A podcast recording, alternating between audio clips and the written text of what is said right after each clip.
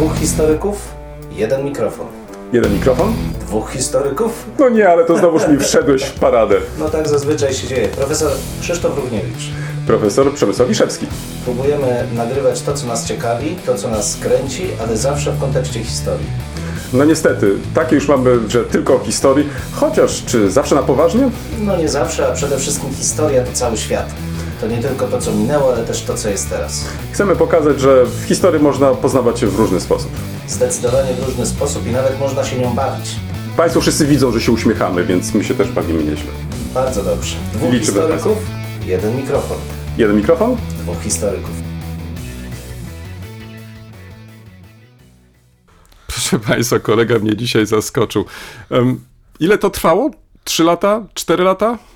Po raz pierwszy przyniósł ciasto na, na nasze nagranie. O, bo kolega jak dostał I to poprzednio... nie jeden kawałek, do tego nie suchy. Proszę sobie wyobrazić, to naprawdę jest pięknie zapakowane w takim, w takim plastikowym, plastikowym pudełku. Ale za a propos właśnie tych plastikowych pudełek, za chwilę chyba już nie będziemy mieli możliwości korzystania z plastikowych pudełek. Ale czemu? Bo ja nie wiem nawet. Wiesz, bo, bo to y, zmienia się jakaś tam dyrektywa chyba europejska, A. wiesz, i ona wchodzi w życie i, i za chwilę Nie, to już nie będziemy mieli tych plastików. To, to się tylko tak Ale mówi. ty wyobrażasz, pamiętasz jeszcze, nie tyle wyobrażasz, co, co pamiętasz może jeszcze, były takie ganki, słuchaj, e, taki... No przemycać plastikowe pudełka. Nie, jak to się, nie, jak to się nazywało, słuchaj, to były takie, wiesz, e, pięć takich garnków. Cepter. Ceptery były. Nie, to wiesz, to, to- to takie, a wiesz, że to dostawałeś tam ziemniaki, później, wiesz, e, A. jak, jak szedłeś po obiad, No wiesz, to już czworaki tak zwane, że się tam Czworaki. wkładało, Tak, zamykało. tak. No właśnie, tak, Tak, tak. tak, tak, Czyli tak. zobacz, wracamy do Tak. korzeni, wracamy Bardzo do korzeni, dobrze, kolego. bardzo dobrze. No. Zupa Ale- na spód, drugie potem, że się grzało. Tak, No tak, ale proszę Państwa, faktycznie, y, tylko potwierdzał, kolega tutaj przyniósł ciasto, ale ja niestety zawiodłem. Ale to tylko dlatego, że w, chciał mi zrobić niespodziankę, a ja mu niespodzianki nie zrobię, bo nie ma kawy. No więc właśnie, ale Tak, ja, proszę Państwa, ze względu na sytuację ogólnokrajowo-życiową mam nadciśnienie, więc nie będę pił kawy, więc akurat dam mu ciasto po prostu. I. Ale za to zagryzę sobie ciasteczko. Ależ proszę bardzo zagryzać. Tak, tak. No, no, no dobrze, no to właśnie tak zaczynamy dzisiaj. No, tak, Tak, ciasteczko. Tu ładnie nam Ciasteczko. pachnie. Ale czy to drożdżowiec. oznacza, że, że, że tak już teraz zawsze będziesz mi przynosić ciasteczko? No nie, żebyś się rozpuścił wtedy. Dobrze, w takim razie czekam A kolejne poza trzy tym, lata. poza tym Gosia by mnie zabiła, bo byś jeszcze przytył od tego i co. Ach, no dobrze, no dobrze, no dobrze. Kolego, starą nowinkę, pfu, starowinka, nowinka, no, wiesz co, ja już coś chyba Tylko nie o wiem. cieście, tak, tylko tak, o cieście. Tylko o cie... no, Dobrze, tak, proszę Państwa. Rozmarzyłem się Jest trochę. rok 1940. O, i który? 1940. Dobrze słyszę? Tak. Tak, tak, tak. No co? To jak No, zaskoczenia to z zaskoczenia. Mark Bloch po w, przegranej e, wojnie przez Francję snuje ref- refleksję o tym, dlaczego właściwie do tej e, przegranej doszło, a może i szerzej, dlaczego doszło do wybuchu wojny. W tym między innymi zastanawia się, jaką rolę odegrało, odegrał specyficzny klimat intelektualny e, w latach 30. we Francji, a w szczególności jaką rolę odegrało swoiste wycofanie przynajmniej części intelektualistów e, z tej refleksji i z życia społecznego. No i tu cytat. Wszyscy byliśmy albo specjalistami w dziedzinie nauk społecznych, albo pracownikami laboratoriów naukowych. Być może te właśnie dyscypliny powstrzymały nas z powodu pewnego rodzaju fatalizmu od podjęcia indywidualnego działania. Przyzwyczailiśmy się postrzegać działanie wielkich bezosobowych sił zarówno w społeczeństwie, jak i w przyrodzie. Jaki pożytek wobec impetu tych głębi nowych fal, tak kosmicznych, że wręcz nieodpartych, mogły przynieść wysiłki kilku rozbitków? Odmienne przekonanie oznaczałoby podważenie historii. I proszę Państwa, brzmi to, powiedziałbym, dość e, hmm, współcześnie, ale faktycznie zwraca uwagę na dylemat, jaki, jaki mieli historycy w latach 30., ale w latach 40. i późniejszych też.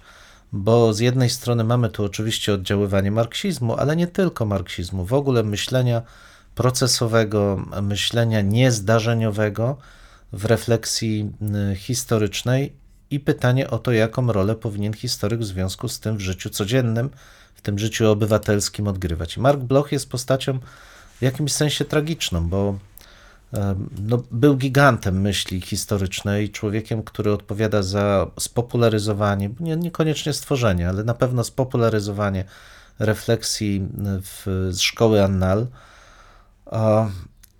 Ale kiedy wybuchła wojna, kiedy Francja padła, podjął decyzję, no, można powiedzieć, przeciwną temu, o czym pisał. Sam jako jednostka sprzeciwił się temu, co działo się wokół, e, wstąpił do ruchu oporu i zginął.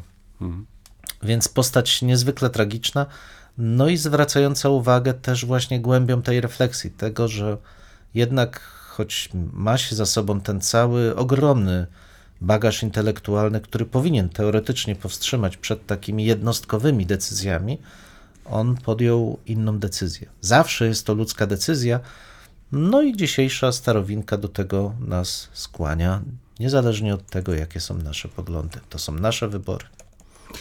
Um, bardzo ważna postać, e, nie tylko dla w, mm, historiografii francuskiej, ale generalnie w, w europejskiej. i W, co ciekawe, to, to nie jest historyk, który jest zapomniany. To znaczy, on co rusz jest przypominany w różnych kontekstach. To też może warto podkreślić.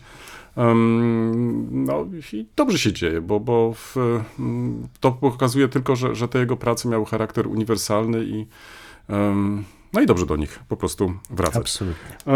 Ja z kolei, wiesz, pod koniec y, tygodnia uczestniczyłem w różnych, w różnych takich przedsięwzięciach o, o charakterze lokalnym. No tak się jakoś składa w ostatnich tygodniach, e, że poświęciłem sporo uwagi różnym problemom lokalnym, historii lokalnej. No i odkrywam po raz kolejny jakieś, jakieś nowe dla siebie rzeczy.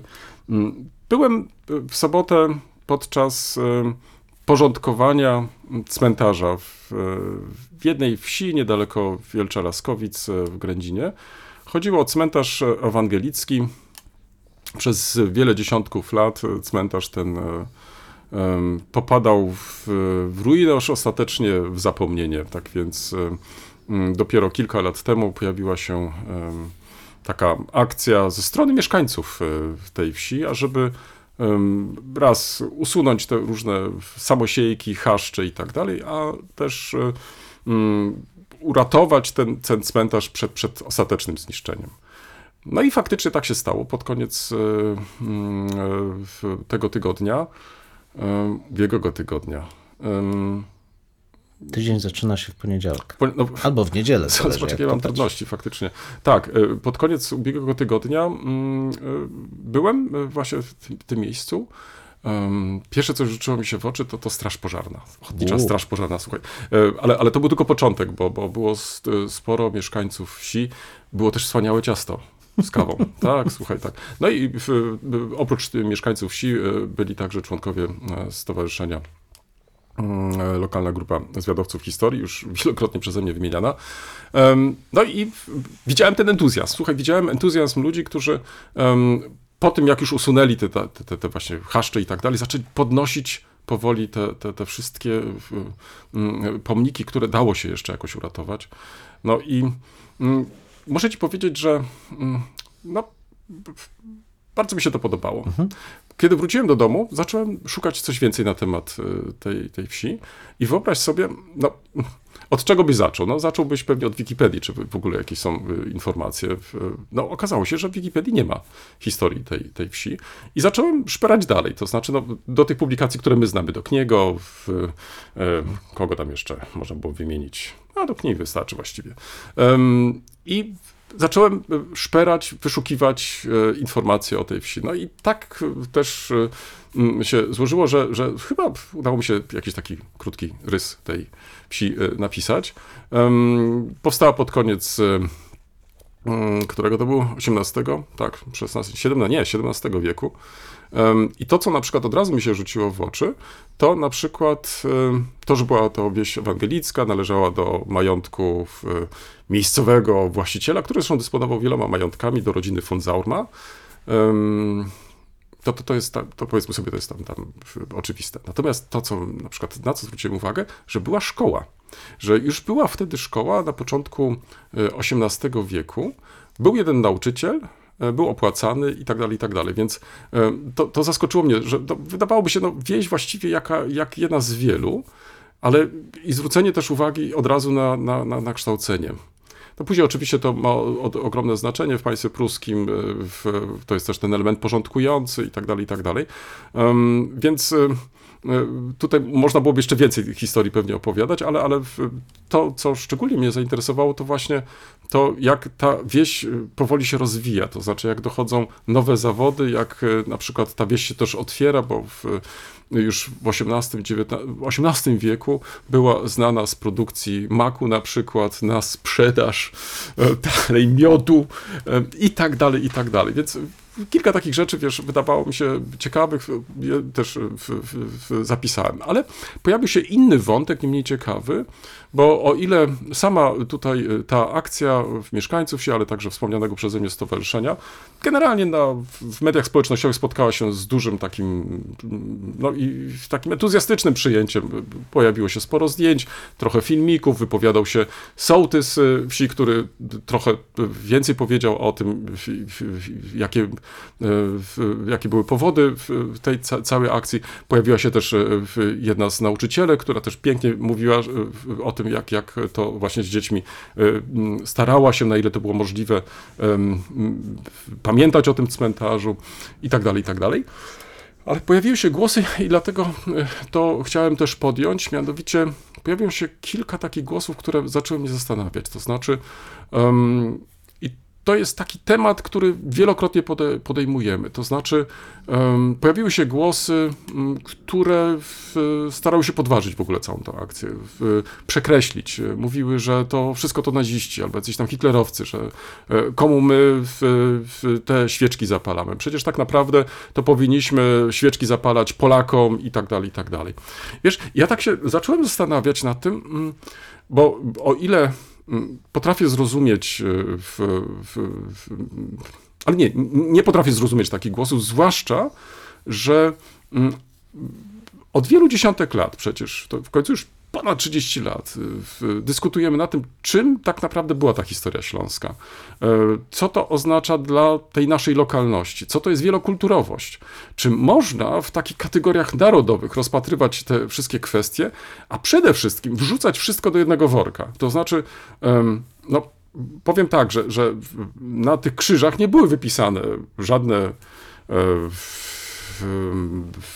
odznaczenia, jakieś ordery i tak dalej, i tak dalej. Więc skąd ta pewność, że to wszyscy byli naziści? Skąd ta pewność, że tam ludzie pochowani, czyli coś, co dla nas jest oczywiste w naszej części e, w, w świata, że, że, jest szacunek dla, dla zmarłych, że zamiast e, na tym się skoncentrować, e, o to zadbać, to, to, to wiesz, wyciąga się takie rzeczy, które no, dla mnie są niezrozumiałe. To znaczy, wydawało mi się, że jesteśmy krok dalej, że ta cała akcja, piękna akcja i, i w władz tych takich, bym powiedział, lokalnych, no, sołtys, ale też i mieszkańców, wiesz, powinieneś widzieć ten entuzjazm, no, znaczy, wiesz, tych ludzi, że jeżeli straż ochotnicza pożarna przyjechała, no, że komuś się chciało to, to, ciasto upiec, że, że i tą kawę przygotować, no i, i tu zaangażowało się stowarzyszenie i tak dalej, i tak dalej, czyli mamy jakiś kolejny punkt na mapie, takiej, bym powiedział, mentalnej tej wsi, której historii dotąd nie mogłeś dokładnie poznać. To znaczy, dlatego nie bez powodu wspomniałem, że szukałem w Wikipedii, ale nie znalazłem. No więc y,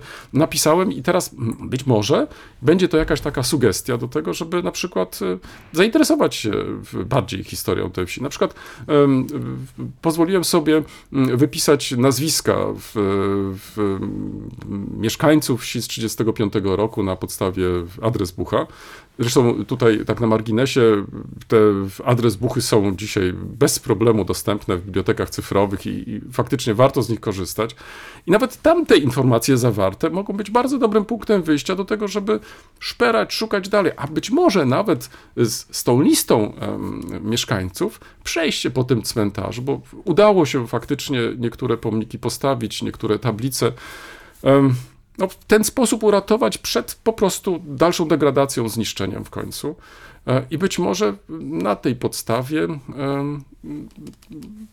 jakoś starać się znaleźć dodatkowe informacje o tych osobach, które są tam pochowane. Być może się okaże, że będziemy mieli do czynienia z jakimś sławnym muzykiem, z jakimś sławnym profesorem, być może nawet jakimś lekarzem, albo nawet jakimś ważnym urzędnikiem i tak dalej, i tak dalej. Zwróć uwagę, że wtedy ten cmentarz który dotąd gdzieś tam był w krzakach, gdzieś e, ludzie wiedzieli ze wsi, że tam coś tam jest, było po niemieckie i tak dalej, i tak dalej, że teraz może to nabrać takich trochę koloru, bo się okaże, że jest tam taka postać czy inna postać. I teraz mnie nie chodzi o to, wiesz, żebyśmy tylko pozytywne postaci na przykład e, uwypuklali. Może się okazać, że będzie bardzo złożona postać, że ta biografia nie będzie taka oczywista. Ale dzięki temu ten cmentarz y, będzie jakimś już punktem odniesienia, będzie takim ważnym miejscem na mapie historii tej wsi, ale także i, wydaje mi się także i regionu, bo dzięki temu ten region y, jawić nam się będzie już w jakichś takich y, nie szarych kolorach, tylko, tylko po prostu odcieniach szarości chyba, tak? E, Ale bardziej w kolorach właśnie takich ładnych. O. Nie, to jest piękna inicjatywa. Mi bardzo się spodobało też to wykorzystanie adres bucha, bo wiesz, takie działania budują to, co ja nazywam tą tożsamością kulturową. To, to nie jest tożsamość etniczna, to już nie jest krew, to nie jest krew i ziemia, która buduje tą ciągłość, ale to jest ta tożsamość budowania ludzi, budowania na tym, że b- my tworzymy tą pewną ciągłość. I adres buchy są świetne, bo pokazują, że w tym konkretnie domu mieszkała ta rodzina, więc ktoś, kto spoczywa tam na tym cmentarzu, był odpowiedzialny za wystawienie tej obory, tego domu, tej ścieżki. To jest budowanie tej ciągłości ponad czasami, ponad granicami etnicznymi. Bardzo mi się podoba takie działanie i też pokazuje ogromną kulturę, kulturę pamięci, ale taką zwykłą ludzką kulturę, która troszczy się o tych, którzy odeszli, a niekoniecznie są związani z naszym plemieniem. Tak. Oni budowali podstawy tego, na czym my teraz możemy budować Jako nasze część życie. tej wielokulturowej historii Śląska, bo przecież absolutnie. e, do tego w, w, nawiązujemy.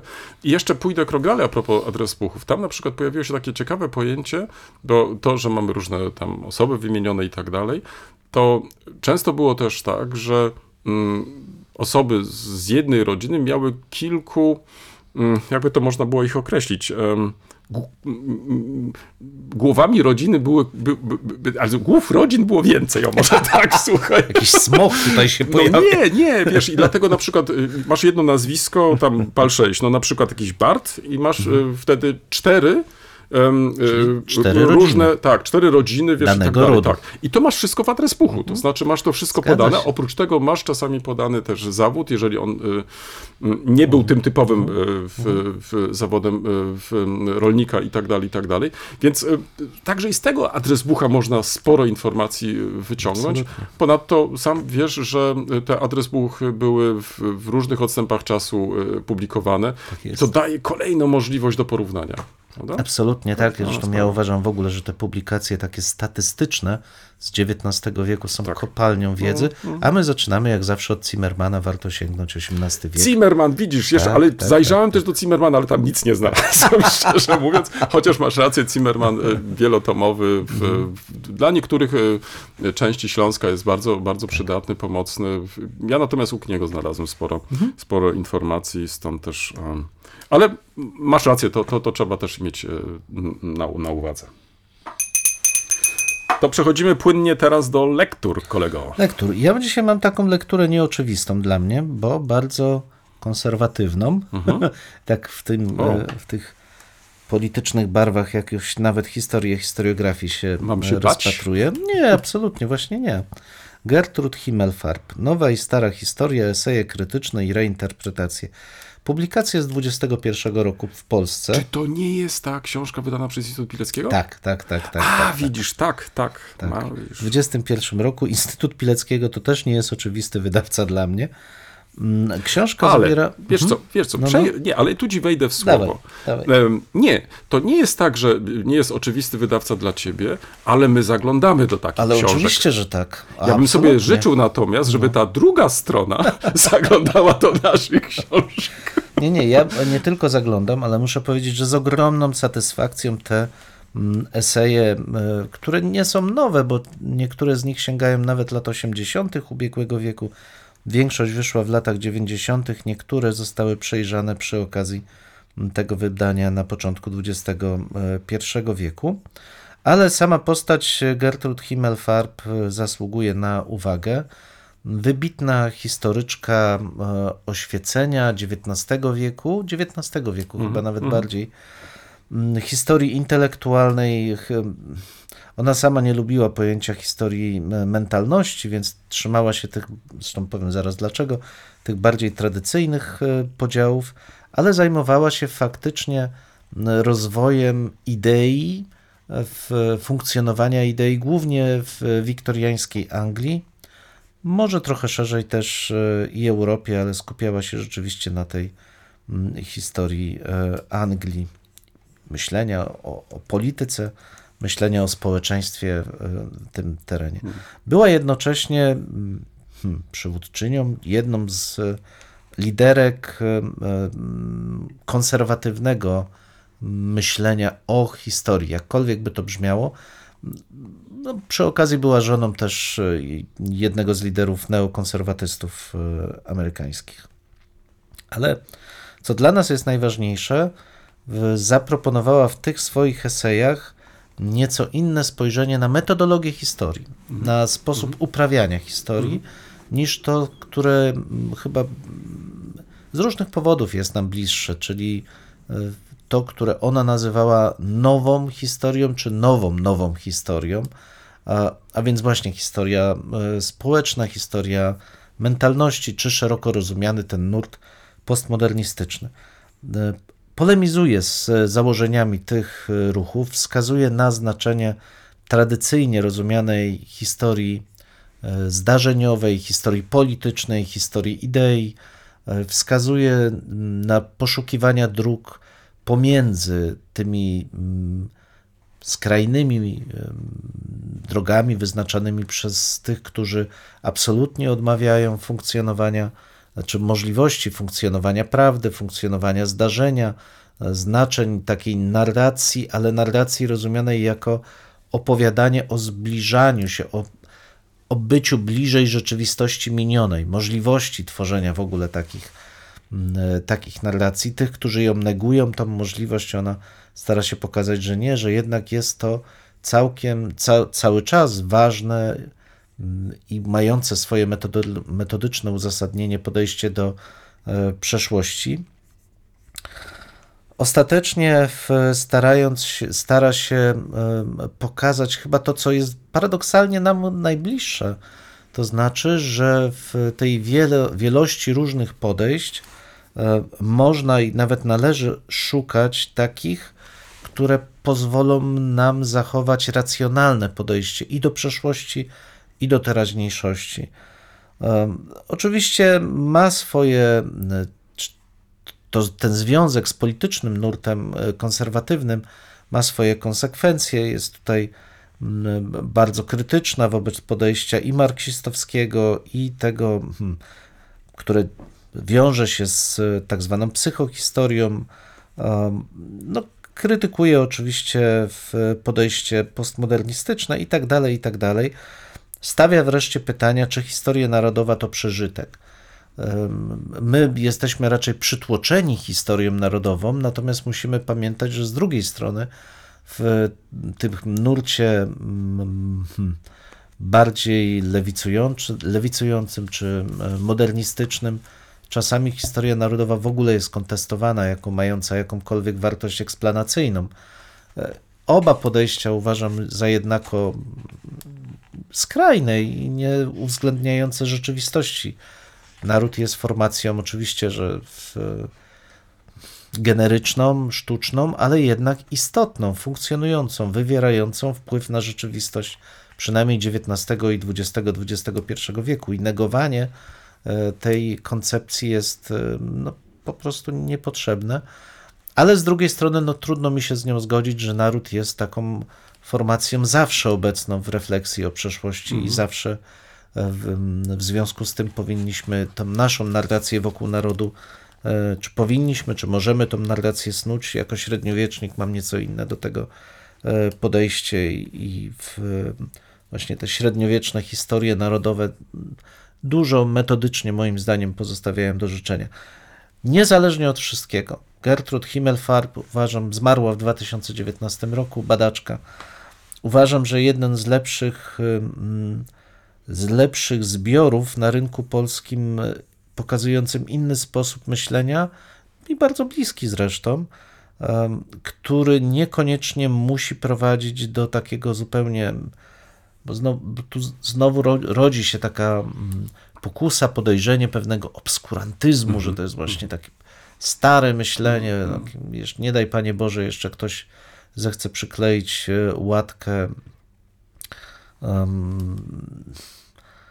no właśnie polityczną i powiedzieć, że powstało to na zamówienie w związku z, dlatego, że nie, bardzo dobre eseje uważam, że dla wszystkich studentów, ale i dla dużej części e, pracowników polecałbym zapoznanie się przynajmniej z kilkoma esejami, nie dlatego, żeby przejmować cały ten nurt myślenia, ale żeby zwrócić uwagę na to, co na co i ona zwracała uwagę, że jeszcze niedawno e, obowiązkowe na drugim stopniu kształcenia historycznego, ale i w bardziej ambitnych studiach pierwszego stopnia kształcenia było kształcenie z zakresu metodologii, ale metodologii nie rozumianej jako teoria czy jako filozofia historii, o czym rozmawialiśmy wielokrotnie, ale jako zbiór naprawdę prostych narzędzi pozwalających zrozumieć, jak wygląda warsztat historyka, jak zbliża się historyk swoją działalnością do przeszłości i w jaki sposób i dlaczego tak istotne są przypisy.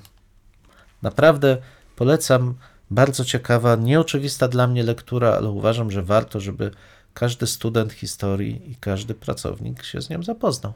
Książka, jeśli sobie dobrze przypominam, jest dostępna w, w obu wersjach, Tak. to znaczy zarówno tej tradycyjnej papierowej, ale także i elektronicznej. Tak, tak, więc tak, tak. Myślę, że to powinno ułatwić recepcję. To, to wszystko z twojej strony? Ja absolutnie tak. Boże, jak to szybko poszło u kolegi. No ja to, a bo ja widzisz, zawsze mówię, że krótko, a ty ale zawsze co, negujesz. nie, po- powiem tak, że, że użyłeś tego określenia z zaskoczenia, albo ja to użyłem, to myślę, że i, i tym razem, albo nie tyle tym razem, co, co mogę ciebie też zaskoczyć. Ależ. Em, Otóż sięgnąłem po książkę, która dla mnie nie jest oczywista. To znaczy, rzadko zaglądam do książek. O, kolega teraz chwyta za No ciasteczko. ja nie mogę, bo mi tu pachnie, proszę Państwa, on tak tutaj. Czy on na Rzadko- pewno będzie długo, a ja rzadko- będę tu, nie, nie, nie, nie będzie długo. E, Rzadko zaglądam do książek e, w, mm, architektów albo napisanych przez architektów. No, nie dlatego, że, że, że mnie to nie interesuje, ale, ale nie zawsze mam e, okazję i, i możliwość e, skorzystania z tego rodzaju lektur. Tym razem było inaczej.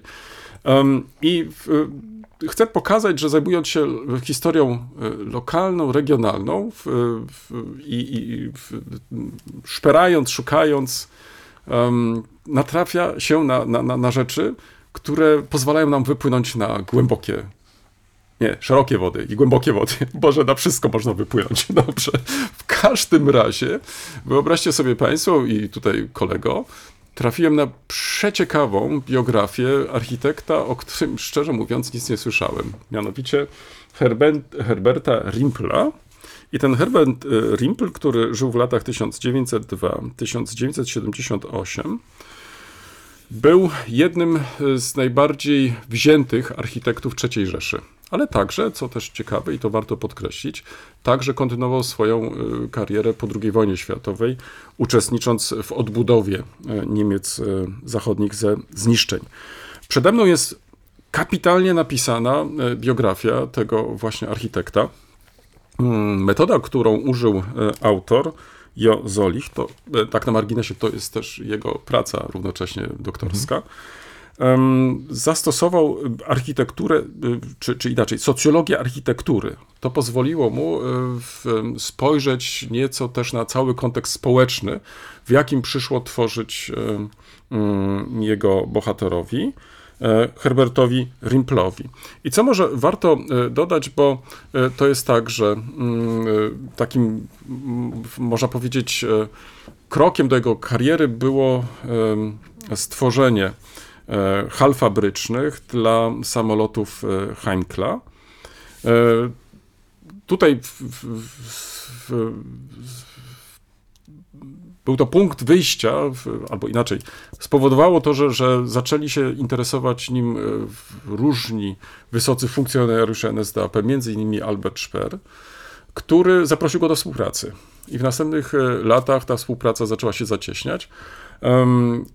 Sam Rimpel dostawał coraz więcej różnego rodzaju zleceń. Wyobraź sobie, że e, udało mu się stworzyć e, ogromne biuro e, architektoniczne, wręcz można byłoby powiedzieć koncern stworzony właśnie z architektów. Ponad tysiąc architektów było w tym biurze No, zatrudnionych. no, to jest właśnie skala zamówień E, państwowych. Tak, państwowych, wiesz, i, i faktycznie państwa, on się no. z tego wywiązywał. I teraz, dlaczego zwróciłem na to uwagę? Otóż w, w ostatnich, tak jak dniach e, wspomniałem, dosyć intensywnie zajmowałem się historią filii em, w obozu Gross-Rosen, obozu pracy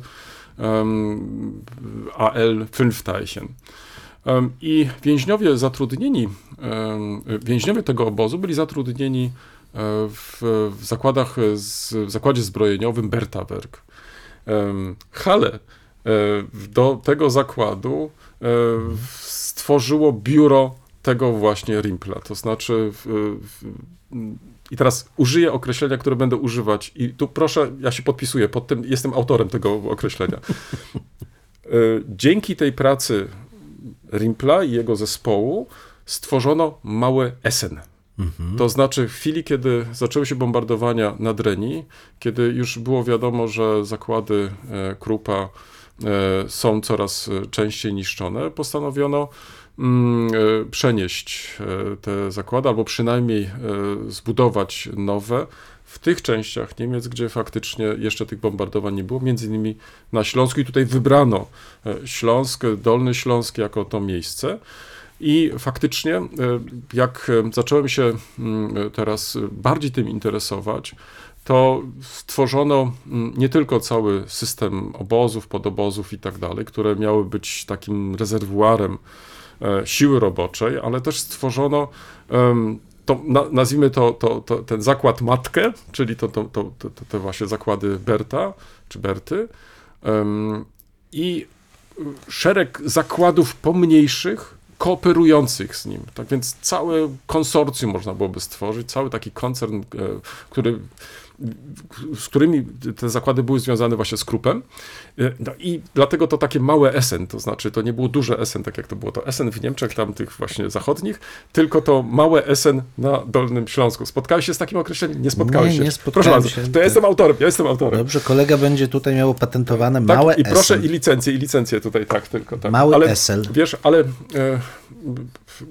biografia, bardzo ją polecam, e, także w tej części dotyczącej w- zakładów e, Berta, Berta Mhm. Werk. Autorowi udało się zrobić kapitalną rzecz, mianowicie opublikował tutaj plany architektoniczne, jak e, te hale miały wyglądać. e, Wcześniej one zostały opublikowane. e, W, to jest też ciekawe. e, W jednym z fachowych czasopism e, budowlanych. Tutaj autor e, korzystał z tego, przekopiował te, te plany. Książka jest przepięknie wydana. Jeszcze raz Jo Zolich, Herbert Rimpel 1902-1978 i tu podtytuł Architektura Koncern. Zobacz, już nawet w tytule masz tutaj to, to, tą grupę architektoniczną, wręcz kon, kon, Koncern. koncern, Koncern. architektów, prawda? Albo architektoniczny. Unter Hermann Göring und Albert Speer, Architekt des deutschen Wiederaufbaus, czyli e, pod e, Hermannem Göringem i Albertem Speerem, architekt e, niemieckiej odbudowy. Przepięknie wydana książka, ale nie chcę na tym zakończyć, ponieważ kiedy, tak jak wspomniałem, e, przeglądałem różną literaturę, pojawił się inny problem i tutaj nawiążę trochę do tego, o czym ty mówiłeś. Mianowicie powstały dwie prace magisterskie na temat, e, w przeszłości, na temat e, historii obozu pracy mm, AL Fünftaischen, dzisiaj Miłoszyce. I jedna z tych prac, która e, była napisana e, pod kierunkiem e, profesora Koniecznego przez Krzysztofa Piotrowskiego, zaginęła. Po prostu jej nie można znaleźć. Nie można jej znaleźć u nas na Wydziale Prawa, być może uda się ją znaleźć. Nie można też znaleźć na przykład w, w Muzeum Grossrosen. ponieważ jak przynajmniej twierdzi, bo udało mi się dotrzeć do autora tej pracy, jak twierdzi autor, jeden egzemplarz przekazał profesorowi, co jest oczywiste, drugi natomiast e, przekazał do Muzeum Grossrosen. Nie ma e, tych egzemplarzy, ale pojawił się inny problem i tutaj chciałbym go trochę zasygnalizować, wiesz, bo często na zajęciach mówimy o dobrych praktykach w nauce. I jakby nie patrzeć, to nie dotyczy tylko e, na przykład tego, w jaki sposób e, wykorzystujemy źródła, które są ogólnie dostępne, na przykład internetowe i tak dalej. Chociaż często zdarza się i, i to pokazuje też, że mm, wszyscy zwracają uwagi, że na przykład Wikipedia też jest źródłem i powinno się, jeżeli już chcemy no, koniecznie zacytować Wikipedię, to powinniśmy to jednak odpowiednio zaznaczyć w przypisie i tak dalej. Już nie mówiąc o tym, że trzeba to wziąć w cudzysłów, jeżeli przejmujemy całe fragmenty. Ale widać, z tego nie jest to takie oczywiste, bo, bo nadal zdarzają się sytuacje takie, że przecież to było tak ładnie napisane. Czyli zamiast sparafrazować albo ewentualnie dać cytat, to po prostu przejmuje się żywcem. Ale tutaj e, chodzi jeszcze o coś innego. No, prace magisterskie do niedawna przecież nie były dostępne w internecie. Lub też, e, no, chyba do dzisiaj nawet nie są dostępne są- w Są internecie. prawem autorskim Są, tak, i to co najwyżej, jeżeli jest jakaś zgoda autora, to można to umieścić w bibliotece cyfrowej i tak dalej, i tak dalej. No ale te prace magisterskie, one gdzieś jakoś tam sobie funkcjonują. Wyobraź sobie, mamy niestety sytuację taką, że ta praca magisterska pana Piotrowskiego została splagiatowana. To znaczy, w, w, już zaczęto drukować e, poszczególne fragmenty tej pracy. W ostatnim momencie udało się to zatrzymać i tak dalej, i tak dalej. I muszę powiedzieć, że no jestem tutaj zaskoczony. To znaczy, e, zawsze mi się wydawało, że e, no co jak co, ale, ale, ale no, no powinno się jednak mimo wszystko w, w, dbać o, o tą taką, no te, te dobre zasady, mówiliśmy też ostatnio o etyce pracy historyka, no niestety zdarzają się takie sytuacje i to e, widzisz, e, to czę, często trudno jest nawet wychwycić, wiesz, bo to jest e, praca, która, tak jak powiedziałeś przed chwilą, nie zawsze jest w internecie dostępna.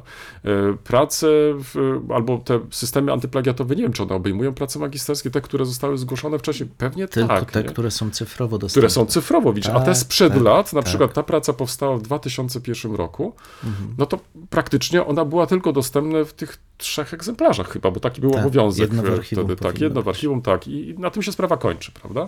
Widzisz, i dlatego zwracam na to uwagę, bo to teraz nie jest ważne, czy, czy mówimy tutaj o wielkiej historii uprawianej we Wrocławiu i tak dalej, czy też e, w Wielczu Laskowicach, e, czy nawet u mnie w Miłoszycach, żeby nie było tutaj nie, nie, jest. nie tak, to obowiązują nas te same zasady. Oczywiście. Prawda? To znaczy, ja tutaj do tego, te, na to chcę szczególną zwrócić uwagę, bo, bo w, może się wydawać, że ach, kto tam na to zwróci uwagę, kto, kto w, e, w, ewentualnie to, to rozpozna. No niestety to, to nie jest w porządku. No, no i dlatego tutaj do, do tego trochę apeluję, żeby jednak z dużą ostrożnością podchodzić. Jeżeli już e, mamy dostęp do tego rodzaju materiałów, e, no to jednak szanujmy prawa autorskie, a przede wszystkim doceńmy e, wkład i pracę poszczególnych autorów, bo to w końcu była ich praca, a my jesteśmy tylko recypientami tych e, ich e, właśnie prac. Więc na to chciałem zwrócić uwagę. No i żeby zakończyć już ten taki wątek może mniej przyjemny, ale związany jak najbardziej z, z naszą pracą, to chcę po powiedzieć, że w trakcie tych, tych właśnie różnych poszukiwań takich bibliograficznych natrafiłem na coraz więcej czasopism, które są dostępne w internecie. Na przykład e, studia nad autorytaryzmem i totalitaryzmem, e, które są wydawane na naszym uniwersytecie, albo na przykład e, czasopismo lekarskie, teraz już mnie nie, nie pytaj o dokładną nazwę, podamy ją w, w opisie, ale są to główne czasopisma, które faktycznie e, dotąd, e, z których mogliśmy korzystać e, dotąd tylko w sposób, w sposób taki tradycyjny w, w bibliotece, ale czego bym sobie życzył na przykład w, em, w przeglądzie lekarskim, przepraszam, przeglądzie lekarskim, kiedy to czasem, czasopismo wychodziło do początku lat 90., to w tym przeglądzie pod koniec e, zrobiono zestawienie e, wszystkich artykułów. I tutaj możesz sobie spokojnie ściągnąć jako PDF i wtedy nie przeglądając każdy numer po numerze, Numerze. e, możesz po prostu bez większych problemów sobie po prostu wyszukać te tematy, które ciebie szczególnie interesują. A były podejmowane w ostatnich dziesięcioleciach przez to właśnie czasopismo. No niestety, koledzy prawnicy, apel do was gorący, tutaj kieruję do naszych kolegów, e, e, w przypadku studiów nad e, autorytaryzmem i totalitaryzmem, a wcześniej studia nad e, faszyzmem i zbrodniami hitlerowskimi, e, apel gorący do was. To, że czasopismo jest dostępne w internecie, chwała wam. Naprawdę, to, to była świetna decyzja i, i, i bardzo dobrze, że jest ono dostępne. Ale zastanówcie się, czy nie warto zrobić jakiegoś indeksu. E, to znaczy, żeby... Bibliografii zawartości czasopisma. Tak, ale wiesz, nawet sam indeks autorów by mi wystarczył. Wystarczyłby mi na przykład e, nawet tytuły, wiesz, e, w, e, w, e, tekstów. E, Naprawdę, więc, ale tu- już fachowo masz oczywiście rację. Ta, ta, taki wykaz, taki skorowic, no naprawdę by się przydał także i do tego czasopisma. Ja wiem, że to jest związane z e, pracą. E, Trzeba e, w, znaleźć osobę, która faktycznie usiądzie i, i to przygotuje, ale naprawdę warto to zrobić. To znaczy, mnie się wydaje, że e, także już nie tylko sama rozpoznawalność czasopisma, bo ono jest rozpoznawalne, ale e, chęć skorzystania z tego czasopisma na pewno będzie większa. Zdecydowanie tak. Kolego, No właśnie tak przebiegliśmy dzisiaj. Muszę powiedzieć, że jestem zdumiony, jak szybko nam Ale dzisiaj poszło. To... znaczy, no, no bo ty cały czas podgryzasz to ciasteczko. No ja podgryzam, podgryzam, dzięki temu mam dużo energii, a kolega tu osłabł, bo z taką dużą czarną książką się e, zmagał. Tak, bo to, słuchaj, bo to, to jest poważny temat, wiesz, także tutaj to, to nie ulega Nie, wątpliwości. nie ulega no, wątpliwości. no, no. No ale dzisiaj ma, Poprzednio mi, mieliśmy rozmawiać o, e, hmm, o ramach, o ramach e, badań i o tym, Tak. jak te ramy wpływają na kierunki prowadzonych badań. Bo rzecz wcale nie jest e, banalna, bo od, od czasu do czasu gdzieś tam ten temat się przewija, w jaki sposób funkcjonowanie danego nurtu badawczego jest ożywiane lub nurt wysycha, dlatego że banalnie były pieniądze na prowadzenie tych badań lub nie Tak. Granty, które gdzieś tam krążą zazwyczaj w, w tym kontekście, nie są wcale rzeczą nową. Także w naszej tu polskiej e, praktyce mało kto pamięta, e, a może i nie chce pamiętać, aczkolwiek ta wiedza gdzieś tam się przewija. E, Tysiąclecie państwa polskiego i wielkie badania historyczne z tym związane. One oczywiście gdzieś tam e, pojawiały się w związku z tysiącleciem Chrztu Polski. I to też pamiętamy o ten spór ideologiczny, czyje są ważniejsze, które są istotniejsze i tak dalej, ale przecież to były ogromne pieniądze także wyłożone przez państwo właśnie w ramach no, takich mm, grantów, ówczesnych grantów, tylko to były badania resortowe tak zwane. Tak. E, które oznaczały, że gdzieś te pieniądze zostaną skierowane do jednego uniwersytetu lub do drugiego, albo i nie. Mm, Badania wykopaliskowe na ogromną skalę p- prowadzone w tym, e, w tym okresie. Inny nurt takich badań, o których czasami się zapomina z mojej branży, z mojej średniowiecznej czy wczesnośredniowiecznych badań, to te badania, które były związane z wielkim programem autostrad bo wytyczanie autostrady, a potem badania z tym związane, Archeologiczne, tak. archeologiczne, przyniosły ogromną masę do dziś części nieopracowanych zabytków, ale też oznaczały napływ ogromnych pieniędzy w badaniach archeologicznych. Ale odbudowa ze zniszczeń miast, zobacz. A, to dokładnie, to jest kolejny element, tak. Odbudowa ze zniszczeń. Badania archeologiczne nie zawsze wtedy prowadzone z należytym pietyzmem, to nie ma co ukrywać, to nie one były w, em, priorytetem wtedy. No ale właśnie, i zmierzamy do tego e, pytania, w jaki sposób finansowanie kształtuje e, badania. Bo to, że pewne badania są popularne, czasami z, Niekoniecznie ma to związek z tym, że są to najwybitniejsze badania, bądźmy szczerzy. Niekoniecznie ma to związek tym, z tym, że są to też badania, które najżywiej się rozwijają w danym środowisku, ale po prostu takie zapotrzebowanie z jednej strony jakiegoś organu państwowego, z drugiej strony hmm, benefaktora, który hojniej sypnie pieniądzem, może spowodować, że nurt badawczy ożyje. Więc z jednej strony mamy Gertrud Himmelfarb i jej rozważania na temat e, uwarunkowań rządzących popularnością. Mamy też Kuna z jego refleksją nad rewolucjami naukowymi i popularnością tych poszczególnych rewolucji, a z drugiej strony mamy zupełnie przyziemne potrzeby finansowe, które mogą wytyczać e, funkcjonowanie nauki.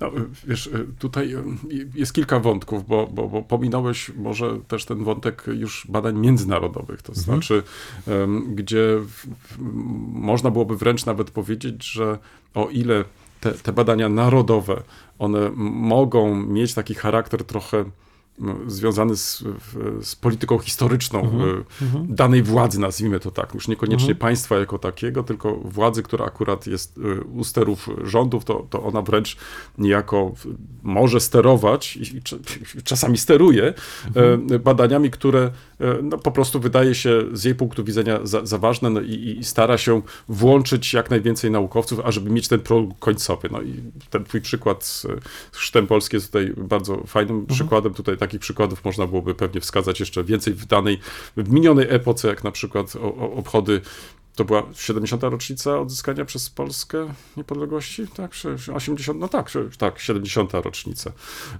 No ale przecież i takich przykładów znajdziemy i dzisiaj bez większych problemów sporo. Ale y, tutaj pojawia się drugi wątek, to jest y, kwestia też badań międzynarodowych i umiędzynarodowienia nauki, czyli coś, co jest dla nas y, oczywiste. I tutaj zaczynają się powoli schody, to znaczy o ile tutaj y, sam, sam, sam, sam, same badania międzynarodowe są dla nas oczywistością, to już udział w tych badaniach nie jest taki oczywisty. I tutaj widać te różnice jednak w poziomach finansowania. Em, Jeśli naturalnie udaje ci się pozyskać e, jakiś sensowny grant, gdzie, gdzie stać cię na wyjazdy, stać się na przykład na publikacje i tak dalej w, znaczących e, wydawnictwach, no to świetnie, ale większość, e, myślę z nas, ja nie wiem, czy, czy mogę tak to w, ogólnie określić, no takich możliwości nie ma.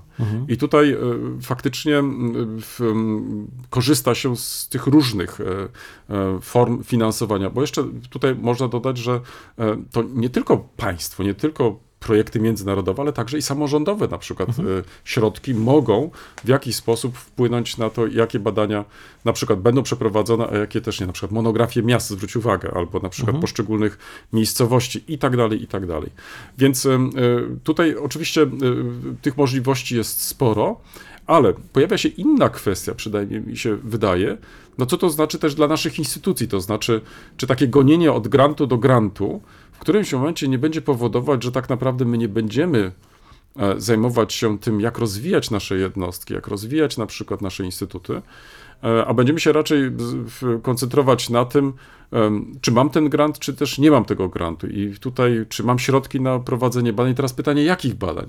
To znaczy, i też do końca nie jestem pewien, y, czy e, podejmowanie się wszystkich e, p- zadań w ramach e, kolejnych projektów no, ma sens. To znaczy, czy jednak nie powinniśmy się w jakiś sposób e, też specjalizować, na przykład w takim czy innym zakresie, bo nagle się okaże, że e, tak naprawdę to, to nie my jesteśmy tymi, którzy proponują e, badania, e, tematy, na przykład, którymi warto się e, zadać, tylko cały czas jesteśmy jakimiś takimi hmm, wykonawcami zleceń, które e, ma na przykład taka czy inna władza, taka czy, czy, czy inna instytucja i tak dalej, i tak dalej.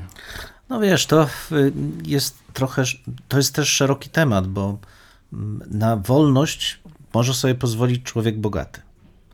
I to nie jest przypadkiem, że w starożytnych Atenach urzędy najwyższe obejmowali najzamożniejsi. Nie dlatego, że byli uprzywilejowani, Czyli chcesz tylko dlatego, że byli wolni. Czyli chcesz tym samym powiedzieć, że wybraliśmy złe studia. Nie, chcę w tym samym powiedzieć, że, w, że polska nauka jest wyjąt, nie wyjątkowa, ale jest nauką ubogą. To znaczy, nie dotyczy to tylko Polski zresztą, ale chyba w Polsce coraz częściej to czujemy. To znaczy, że tych pieniędzy na naukę jest coraz mniej, nie na wynagrodzenia, tylko na prowadzenie badań naukowych.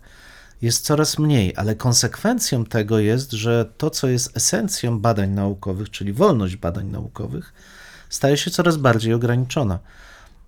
Ja w trakcie właśnie jednej, jednej z rozmów grantowych, z których wróciłem, dostałem takie pytanie, ale w zasadzie czemu tych badań nie prowadzą Państwo w ramach badań uniwersyteckich? No i No, powiedziałem zgodnie pytanie, z tak, prawdą, tak. tak. Ja na badania w ramach badań uniwersyteckich dostaję 100 euro rocznie jako profesor. 100 euro rocznie. Yy, No, już widzę w tą salę, na Tak. której siedziałeś, tak. Tak. I- Ewentualnie te ekrany, Tak. No przed i- którymi Część osób, Polacy zrozumieli, ci spoza spojrzeli z niedowierzaniem, ale takie są realia, to znaczy bez otrzymania dodatkowych środków grantowych prowadzenie jakichkolwiek szerzej zakrojonych badań jest nierealne. Ale ja zgadzam się z Tobą, że ta sytuacja, w której nasze badania są uzależnione od pozyskiwania krótkookresowych grantów, jest wyjątkowo niekorzystna, bo to prowadzi do, mm, do, ta, do takiego zjawiska efemeryt badawczych. To znaczy, ktoś rzuca jakiś projekt, Tak. on musi być, i to jest też, zresztą to, to wielokrotnie się z tym stykałem w trakcie rozmów o granty. Ten projekt musi być zrozumiały dla recenzentów, ergo nie może być zbyt innowacyjny, bo to, co innowacyjne, z siłą rzeczy jest niezrozumiałe, bo jeszcze tego tak naprawdę nie ma. W rezultacie powstaje, powstają projekty, które są często odwzorowaniem czegoś, co już było. One nie są innowacyjne, ale te nadmiernie innowacyjne nie dostaną dofinansowania. Więc konsekwencją tych krótkookresowych projektów jest to, że mamy bardzo dużo nudnych badań. Takich samych, uzupełniających jedynie. No ale powiedz, to, to czy mówienie w takim razie o tej wolności badań, to to jest tylko mm, nasza jakaś e, złuda? Wiesz, nie do końca. Ja mam, ja staram się, z mojej praktyce, ja staram się zawsze mieć kilka nurtów badawczych, którymi się zajmuję. Jeden musi być taki, którym ja mogę go realizować bez większych nakładów na, na to, na co mnie stać. I to są badania regionalne. Zawsze one mają odniesienie szersze, one muszą mieć to szersze odniesienie, ale nie wymagają ode mnie nadmiernego nakładu środków finansowych. Zawsze No, dokładam z własnej kieszeni. No, nie, to jest, nie to jest nie jest rozwiązanie. Tak. Tylko to jest pytanie, w jaki sposób, jakie badania my chcemy prowadzić, bo nasz Ale to system przepraszam, obecny... dojdę ci słowo, bo tak, No. wiesz, bo przepraszam, No, no, tak, no, tak e, czy to oznacza, że czekasz na lepsze czasy, to znaczy robisz sobie coś tam, dłubiesz, coś tam I piszesz składam i tak granty. dalej. Aha, i, i dopiero wtedy, jak, jak dostaniesz te środki, Jestem to będziesz stanie, mógł tak, albo kontynuować, albo dokończyć. Albo uczestnicząc w czyichś grantach, albo sam. W tej chwili nie ma takiej ścieżki finansowania i tak jest na całym świecie. Nie ma takiej tak stabilnych dla humanistów, zwłaszcza ram, które pozwoliłyby spokojnie prowadzić badania, chyba że jesteś zatrudniony na naprawdę zamożnym uniwersytecie, który da ci tenure i faktycznie. Ale to są, wiesz, to, to raczej dla ludzi, którzy są na poziomie mniej więcej noblistów. Oni mogą sobie na to pozwolić. Konkurencyjny system nauki, jaki jest w tej chwili, jest konkurencyjny już nie tylko ideowo, ale też finansowo. Dla mnie to jest cały czas pytanie przede wszystkim o to, czy nasze społeczeństwo jest zainteresowane nauką. Państwo nie jest. I ja to mówię z całą świadomością. Państwo jest zainteresowane podtrzymaniem systemu prestiżu, trochę edukacji, ale nauką zainteresowane nie jest. Natomiast lekiem na to jest taka sytuacja, jaką mamy czy w Niemczech, czy we Francji, czy w Anglii, gdzie bardzo duży, jest zwłaszcza w Stanach, bardzo dużą część finansowania biorą na siebie prywatni przedsiębiorcy, fundacje, które widzą korzyści ekonomiczne i społeczne i No ale kulturowe. takie przecież próby już miałeś, także i u nas, gdzie Fundacja na Rzecz Nauki Polskiej. Raz, ale Tak. zobacz, ale by, były też i konkretne osoby, które na przykład finansowały przykładowo polonistykę na takiej czy innej uczelni, e, historię, kulturę Polski i tak dalej, i tak dalej. E, Więc e, może tutaj polega też to trochę na tym, że e, jeżeli zbyt politycznie podchodzi się do tego typu rzeczy, no to em, takich donatorów za chwilę będziemy właśnie albo w, akceptować, albo będziemy ich odrzucać. Ale wiesz, to I chyba... ja nie wiem, czy, czy, czy to jest tędy droga, to znaczy, bo, bo e, to, co przede wszystkim chyba było jakimś takim motorem ich działania, no to, to co zrobić, coś konkretnego. Znaczy, skoro mam te środki, no to mogę je spożytkować na przykład na naukę, na kulturę i tak dalej, i tak dalej. Ale widzisz, a ja Hmm. widzę tutaj taki samo napędzający się mechanizm, który właśnie u nas przestał działać. Znaczy, że nauka jest elementem nie tylko kulturo-gospodarczo-twórczym, ale też prestiżowym.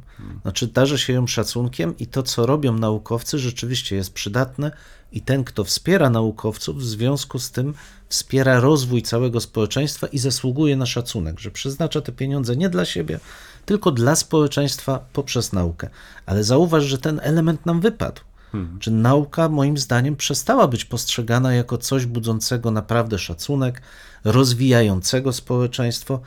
W tym przestrzeni publicznej nauka, jeśli się pojawia, to są to albo odkrycia takie typu wow, że no, Tak. można coś sprzedać, że to jest coś, jakiś news, albo w sytuacji skrajnego zagrożenia, a i to widzieliśmy, że epidemia nie doprowadziła do powszechnego odrodzenia zaufania do nauki, wręcz przeciwnie. Albo jako element polityki. Natomiast nauka jako część niezbędna, część racjonalnego życia społeczności demokratycznej zniknęła. To teraz tak przewrotnie zapytam, e, czy ażeby mogło to być zrealizowane, to o czym ty teraz mówisz, Mhm. to musimy zmienić elity? E, Żeby na przykład miały większe zrozumienie dla Mhm. e, roli i znaczenia nauki jako takiej, no bo bez tego no, trudno mówić też o elitach, bo Ale wiesz, to chyba jest powiązane ze sobą. To my też powinniśmy się do tego przyłożyć. Znaczy, przecież całym szacunkiem, te tak zwane elity polityczne to są nasi wychowankowie. To są ludzie, którzy zostali wykształceni na uniwersytetach. Rzadko który z polityków z tego najwyższego szczebla nie ma wykształcenia uniwersyteckiego. Większość z nich ma i uważa, że nauka do niczego nie jest potrzebna. Więc problem jest moim zdaniem szerszy, to znaczy problemem byłoby przewartościowanie w przypadku Polski tak. samego spojrzenia na to, czym jest społeczeństwo, jak się rozwija, w jakim kierunku warto je rozwijać, uświadomienie sobie, że mamy coraz więcej ludzi starszych, że automatyzacja będzie rodziła problem czasu wolnego, że kultura to nie jest tylko zabawka, to nie, są, to nie jest tylko opera teatr. nam sztuczna inteligencja O, to, tak to, to jest Tak. cały szereg zagadnień, ale z naszej strony naukowców to wynika także czegoś innego niż tkwienie, tkwienia w takim bezwładnym systemie, w trakcie którego chodzi się do, do pracy, narzeka się, że są niskie wynagrodzenia, potem się mówi, że a ja nie prowadzę badań, no bo mi nie płacą, to ja nie prowadzę badań.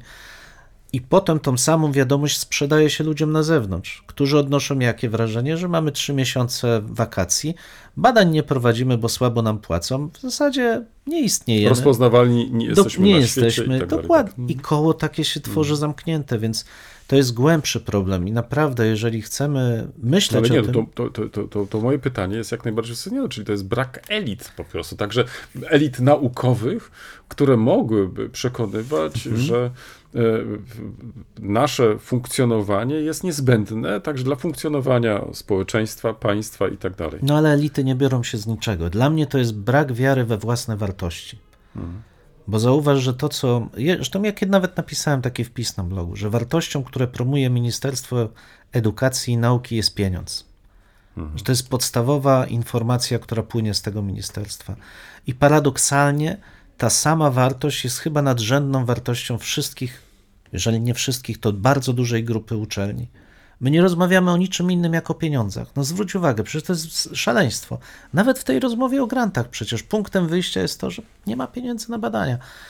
Coś złego dzieje się z samym etosem nauki. Jeżeli tego etosu nauki i tych wartości nie podkreślimy, to nie wierzę w to, żebyśmy, żeby nasza sytuacja jako państwa, jako społeczeństwa, ale też jako ży życia naukowego tu w Polsce znacząco się poprawiła. No wiesz, ale to jest z drugiej strony łatwo no, mówić tylko o pieniądzach, bo, bo nawet nie trzeba być e, wróżbitą, żeby powiedzieć, że zawsze będziemy mieli za mało tych Tak pieniędzy jest, i tak dalej. No więc e, już niezależnie od tego, o jakie pieniądze by chodziło. Tak. Natomiast o wiele trudniej, i tutaj się całkowicie z Tobą zgadzam, o wiele trudniej jest przekonać, że, że y, nie, nie tylko o pieniądze chodzi. To znaczy, Tak. pieniądze są tutaj y, bardzo pomocne, żeby. są narzędziem, Tak, żeby niezbędnym. to czy tamto zrealizować, tak.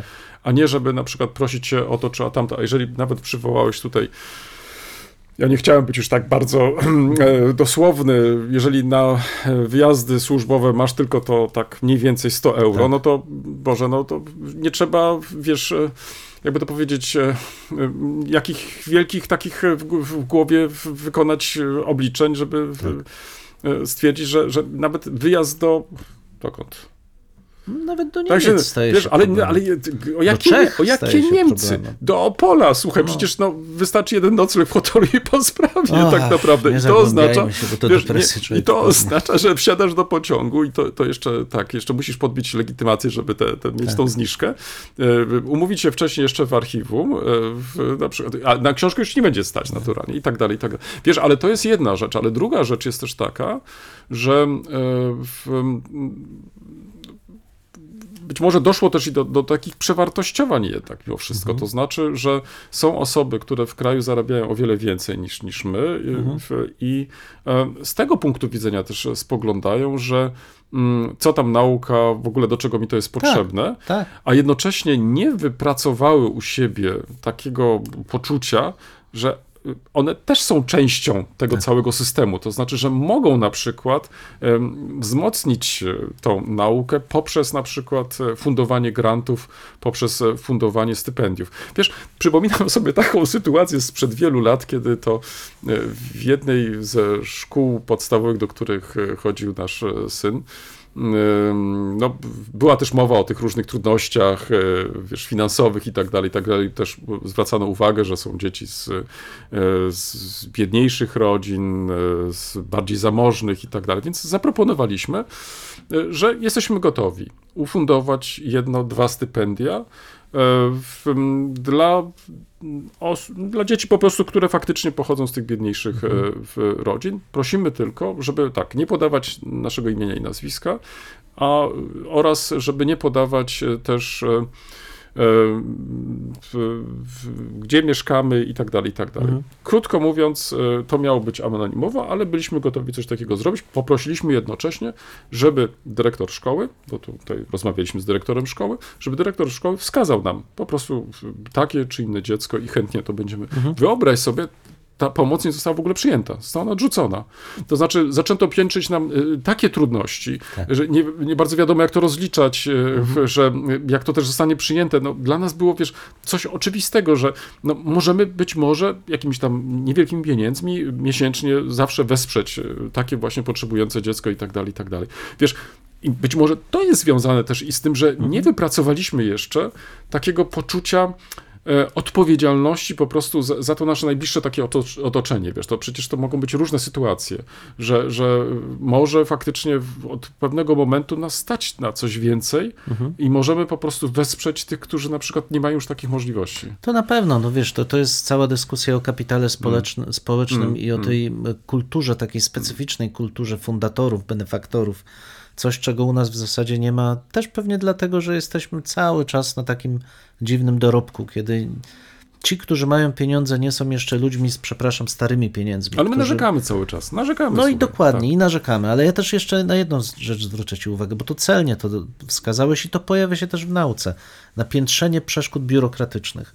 Że nawet jeśli mamy te pieniądze, to one często znikają gdzieś w przepastnych tych machinach i potem się okazuje, że miliony idą na jakieś inwestycje budowlane, gdzie kurczę, potem nie ma kto nawet ogrzać tych budynków, bo nie ma pieniędzy na to, żeby je odpowiednio ogrzać, ale ktoś potrzebował pomnik sobie wystawić Tak, w postaci tak. budynku. Te, to, w jaki sposób my wykorzystujemy te pieniądze, to też jest świadectwem tego, jak niestety bezradna każdy jest ta. spadek jesteś gotów przyjąć. Dokładnie.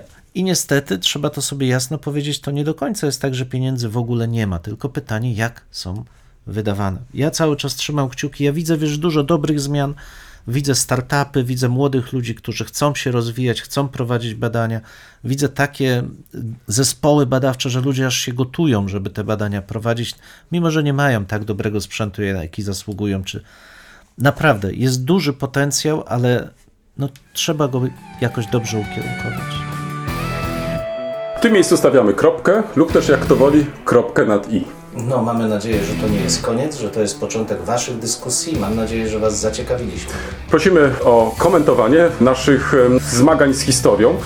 Poniżej zdjęcia jest wystarczająco dużo miejsca. I pamiętajcie, nie regulujcie odbiorników.